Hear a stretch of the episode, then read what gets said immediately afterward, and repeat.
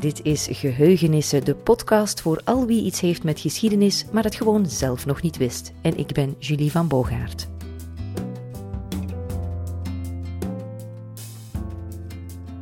We zijn ons binnen geheugenissen een beetje aan het verdiepen in de middeleeuwen.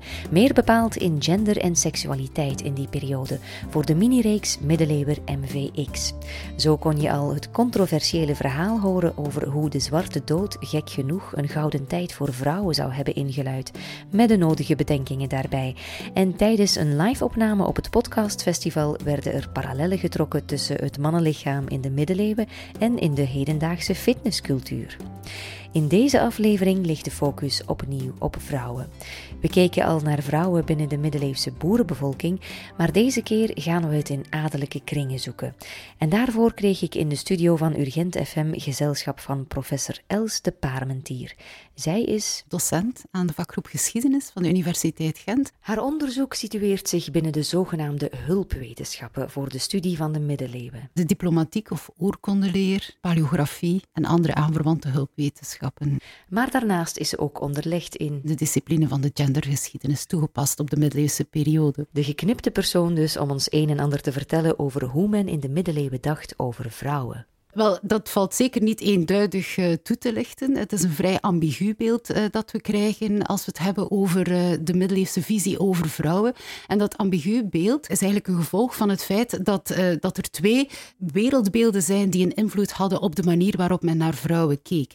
Een van die twee wereldbeelden, het zal je niet verwonderen, was het christelijke wereldbeeld. En binnen dat wereldbeeld was de houding tegenover vrouwen op zich al heel dubbel. Dat schippert ergens tussen verering en verachting ten aanzien van de vrouw. Tussen Maria en Eva dus. Verering naar het voorbeeld van eh, de heilige maagd.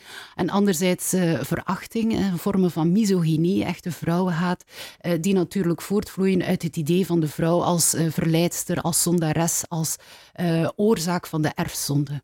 En dan is er ook nog het patriarchaal wereldbeeld. Waarbij eigenlijk een zeer sterke voorkeur bestaat voor uh, mannelijke vormen van heerschappij, leiderschap enzovoort. En waarbij de erfopvolging bepaald werd door een combinatie van patrilineage en primogenituur. Met die twee woorden eh, kan je eigenlijk stellen dat er een sterke voorkeur was voor opvolging in mannelijke lijn eh, naar uh, de oudste zoon of de eerstgeboren zoon.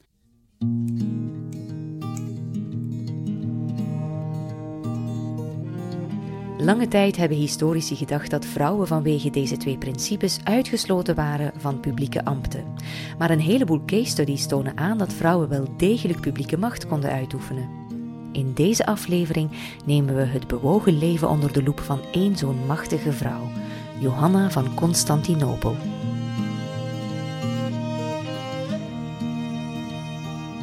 Johanna van Constantinopel was gravin over de graafschappen Vlaanderen en Henegouwen tijdens de eerste helft van de 13e eeuw. Maar ondanks die ronkende adellijke titels heeft Johanna het als gravin knap lastig gehad. Dat kwam door een heleboel factoren. Maar wanneer je haar levenswandel bekijkt, kun je toch alleen maar vinden dat het lot haar toch wel bijzonder beroerde kaarten had toebedeeld. Al in haar prille kinderjaren zat het Johanna echt niet mee. De kleine Johanna werd geboren in het jaar 1200 als dochter van Boudewijn 6-9. Boudewijn 6-9? Boudewijn 6-9, zo genoemd omdat hij de negende graaf was met de naam Boudewijn in Vlaanderen en de zesde graaf met uh, de naam Boudewijn in het graafschap Henegouwen. Wanneer Johanna amper twee jaar oud is, vertrekt vader Boudewijn op kruistocht. In Constantinopel sticht hij het Latijnse keizerrijk. Johanna's moeder, Maria van Champagne, reist al snel haar man achterna, maar komt onderweg om het leven. Dus uh, op dat ogenblik is Johanna al uh, haar moeder verloren. En um, rond 1206 bereikt het uh, nieuws, het graafschap Vlaanderen, dat haar vader, Boudewijn IX, in gevangenschap, gevangen genomen door de Bulgaarse koning, zou zijn omgekomen. In één klap was Johanna een weeskind. Als oudste van twee dochters was zij de legitieme opvolgster van haar vader. Maar zes jaar was toch nog iets te jong om de troon te mogen bestijgen. Er wordt een regent aangesteld tot wanneer zij de leeftijd van uh, 12 jaar bereikt, wat in die periode de leeftijd van meerderjarigheid was. En tijdens dat regentschap worden de kaarten voor de toekomstige gravin Johanna al ongunstig geschud. Dat komt onder meer omdat de regent Philips van Namen uh, Frans gezind was en zich zelfs door de Franse koning Philips August op dat ogenblik heeft laten overtuigen om de voogdijregels over de minderjarige dochters af te staan aan de Franse koning. Dus dat is al een uh, zeer betekenisvol initiatief waardoor de Franse koning zijn greep op Vlaanderen alleen maar kon versterken. De Franse koning was een figuur die Johanna op allerlei manieren het leven zuur zou maken. En dat begon al toen ze nog veel te klein was om ook maar enig besef te hebben van politieke spelletjes. Een van de zaken waarmee zij meteen mee geconfronteerd wordt eh, door die overdracht van de voogdijregels over haar en haar zus, is het feit dat uh, Philips August uh, de controle kreeg over de huwelijkskandidaten van de jonge gravin in Spee. Wanneer ze twaalf is, heeft Johanna de huwbare leeftijd bereikt. En de echtgenote van de Franse koning, Mathilde van Portugal, heeft de geknipte huwelijkskandidaat in gedachten.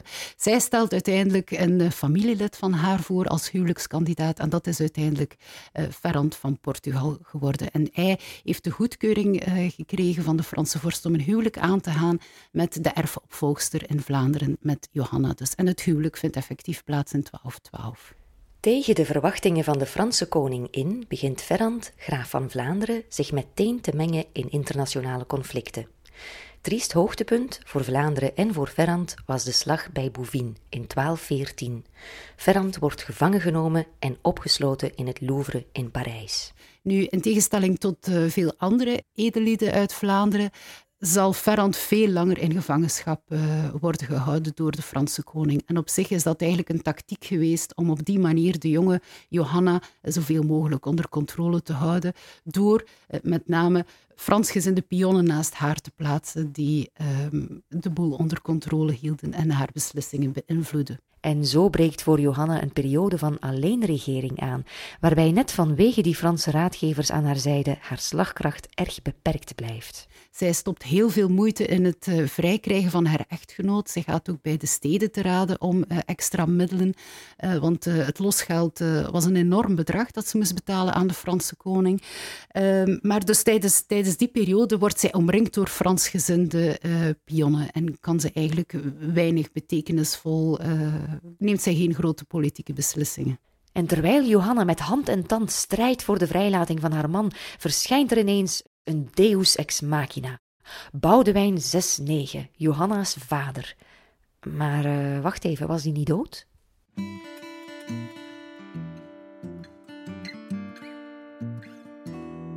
1225, in het voorjaar, is er een eremiet in de regio rond uh, Valenciennes, tussen Valenciennes en Doornik. En die doet zich voor als haar vader, graaf Boudewijn IX. Die is teruggekeerd uit het oosten.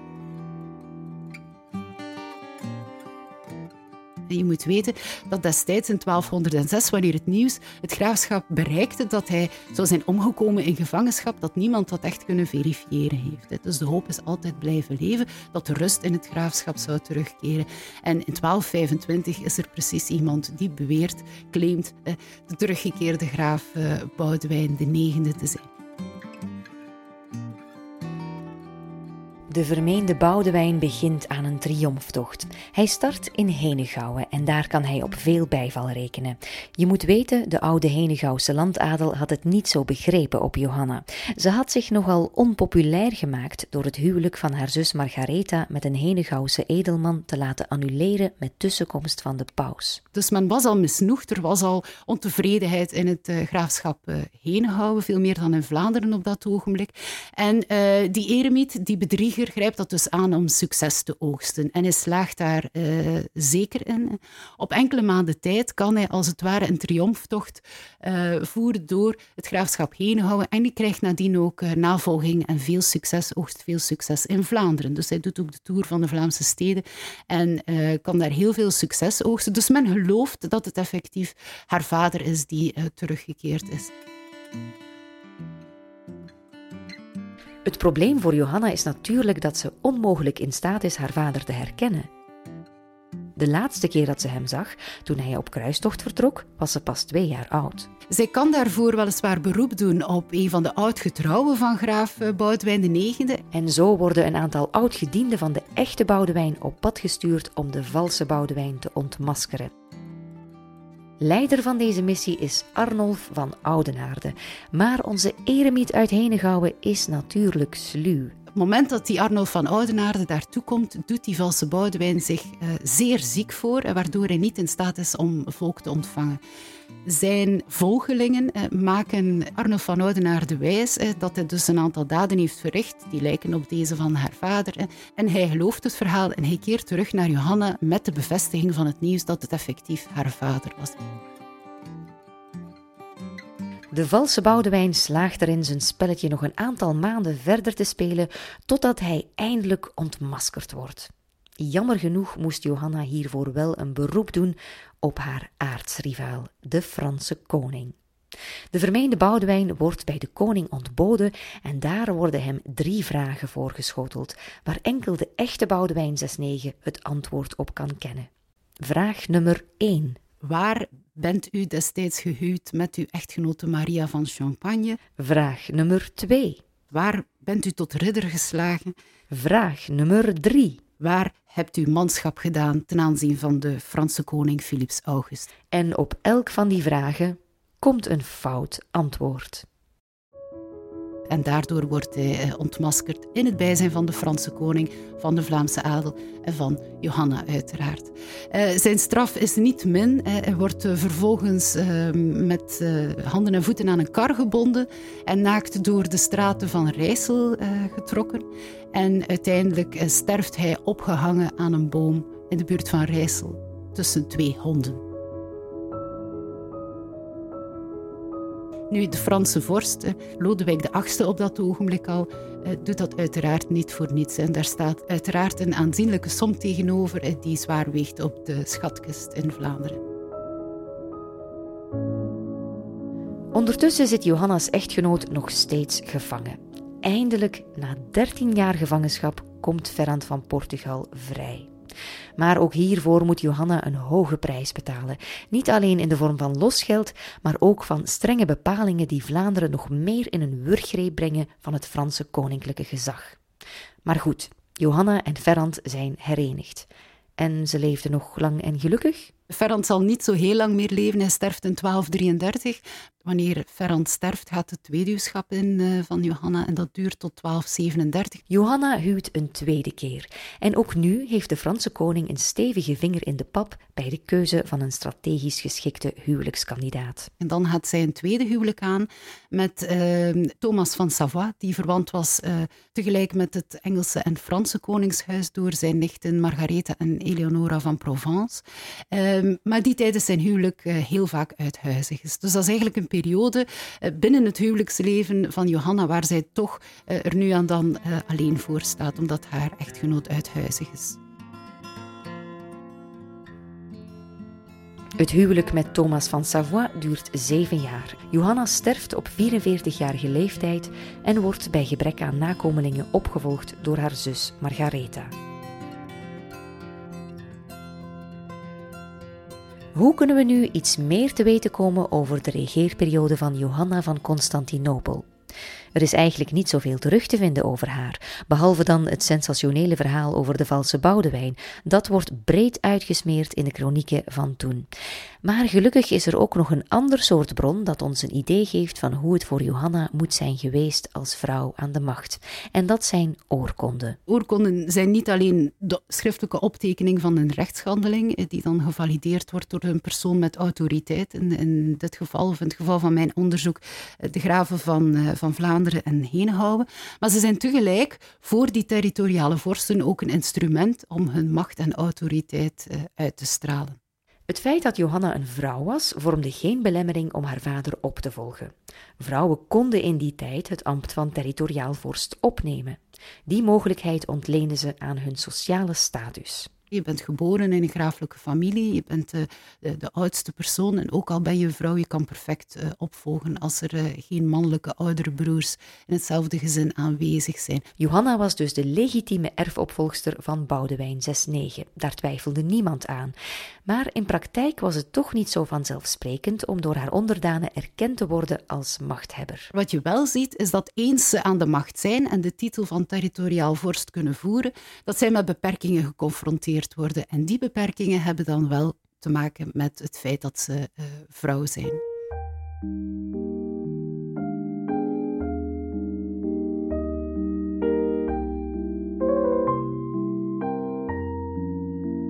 Eén manier om via oorkonden te weten te komen in welke mate Johanna haar macht als gravin effectief kon uitoefenen, is door te tellen hoeveel oorkonden ze in haar eigen naam heeft uitgevaardigd, hoeveel haar respectieve echtgenoten er hebben uitgevaardigd en hoeveel ze dat samen hebben gedaan zonder eh, alle aantallen eh, op te sommen, ik kan je stellen dat uh, bijvoorbeeld er is een lijn in, te ontdekken en die houdt in dat Johanna perfect in staat was om tijdens haar opeenvolgende huwelijken, dus zelfs wanneer haar echtgenoten aan haar zijde waren, oorkonden in haar eigen naam uit te varen, aanvaardigen, een aanzienlijk aantal zelfs. Maar daarnaast vinden we een flink aantal oorkonden terug in naam van Johanna's respectieve echtgenoten en dat is toch wel kras.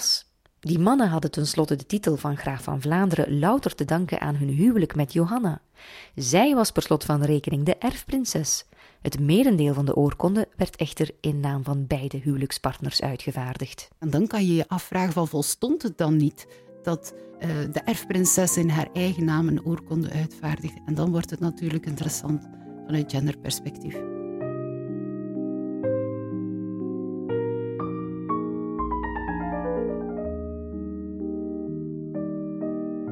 Wettelijk gezien was een oorkonde uitgevaardigd door Johanna, gravin van Vlaanderen en erfprinses, perfect rechtsgeldig.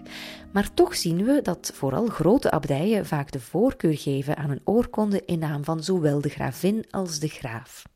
Het gaat zelfs zo ver dat sommige abdijen, wanneer Ferrand vrijkomt, vragen om een oorkonde die Johanna uitvaardigde tijdens zijn gevangenschap toch nog eens opnieuw op te stellen in hun beider naam voor alle zekerheid. Zo had men de garantie dat de oorkonde was uitgevaardigd door degene die uh, door haar sociale status erfprinses was, dus de titel van, uh, van de gravin droeg als wettige erfopvolgster in het graafschap. Maar had men meteen ook de garantie dat de naam van de mannelijke heerser uh, daar aan was toegevoegd.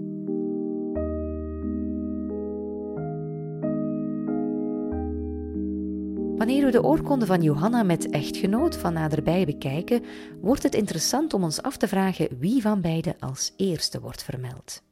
Als we de uh, honderden oorkonden die in naam van zowel de gravin als haar respectievelijke echtgenoten zijn uitgevaardigd, dan zien we zonder uitzondering dat uh, haar naam telkens op de tweede plaats komt. Dus dat de oorkonde start met de naam en titel van graaf van uh, haar echtgenoot. Ondanks het feit dat hij dus geen wettige erfopvolger was, maar zijn titel enkel te danken had aan het huwelijk met uh, de Vlaamse erfprinses. Hetzelfde zien we in de zegels die aan zo'n oorkonde waren vastgehecht. De linkse plaats was telkens voorbehouden voor het zegel van de graaf en de oorkonde die ze samen hebben uitgevaardigd. En uh, ook daar zonder uitzondering wordt het uh, zegel van de gravin telkens rechts geplaatst, een plaats die minder belangrijk wordt geacht dan de linkerkant. Het gaat zelfs zo ver dat Johanna vooral tijdens haar tweede huwelijk soms als plaatsvervanger wordt aangeduid opnieuw een, een zeer frappante vaststelling. Als je bedenkt dat eh, niet hij, maar zij de wettige erfopvolgster was.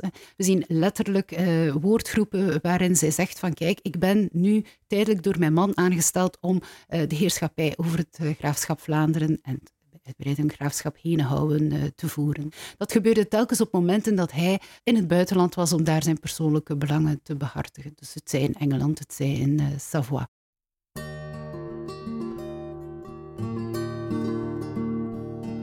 Ik vind het een beetje sneu voor Johanna. Niet alleen had ze de toenmalige genderverwachtingen tegen zich om de macht die haar toekwam effectief af te dwingen, de omstandigheden zaten haar doorheen haar leven ook echt niet mee. Ik denk bijvoorbeeld aan uh, de sterke persoonlijkheid van de Franse vorst, die een zeer sterke centralisering nastreefde. Uh, haar jonge leeftijd uiteraard en het feit dat zij op zeer jonge leeftijd weduwe uh, is geworden en daardoor ook een deel de speelbal is geworden van hogere machten die, die dat gegeven aangrepen om hun macht over de graafschap Vlaanderen te versterken. En um, ja, anderzijds ook het feit dat haar echtgenoot zo lang in gevangenschap uh, heeft verkeerd. Want tijdens die periode van alleenregering, waar zij weliswaar is bijgestaan door uh, die Fransgezinde pionnen, heeft zij toch te maken gehad met een aantal zeer grote moeilijkheden binnen haar graafschap. Nu, niettemin heeft zij wel uh, heel veel gedaan uh, voor, uh, voor de steden. de jaren 40 bijvoorbeeld heeft zij samen met haar echtgenoot, of zelfs in eigen naam, ook een reeks van privileges toegekend aan de Vlaamse steden, waarbij de installatie van de schepenbanken werd geregeld, waarbij tal van privileges werden toegekend die de stedelijke autonomie eigenlijk stimuleerden. en daarnaast heeft zij ook heel veel schenkingen gedaan, schenkingen door derden bevestigd aan monastieke uh, instellingen. Zij is ook verantwoordelijk voor uh, de stichting van uh, Cisterciënserinnenklooster in het graafschap Vlaanderen. dus dat heeft zij ook zeer sterk gestimuleerd tijdens haar regering, ondanks de moeilijkheden waarmee zij werd geconfronteerd tijdens de gevangenschap van haar echtgenoot, wanneer zij nog vrij jong was. Vrouwen aan de macht?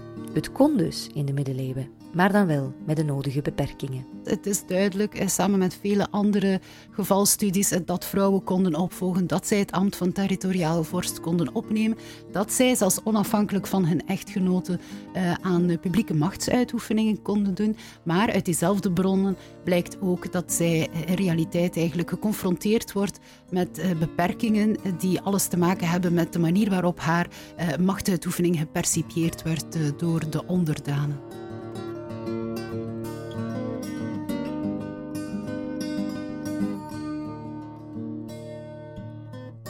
Dit was het dan voor deze aflevering van Geheugenissen met professor Els de Paarmentier van de Universiteit Gent. Veel dank aan Tanja Selleslags en Timon van de Voorde van Urgent FM, waar het gesprek met Els werd opgenomen. En ook veel dank aan jou als luisteraar. Vergeet niet dat het delen van afleveringen via sociale media of simpelweg iemand vertellen over geheugenissen enorm gewaardeerd wordt. Zit je zelf met een vraag over het verleden, bijvoorbeeld over seks in de middeleeuwen? Laat van je horen via de Facebookpagina van Geheugenissen en we doen ons uiterste best om verheldering te brengen. Geheugenissen wordt gemaakt door mezelf, Julie van Boogaard, voor de vakgroep Geschiedenis van de Universiteit Gent. Tot binnenkort voor een aflevering over opstandige middeleeuwse vrouwen.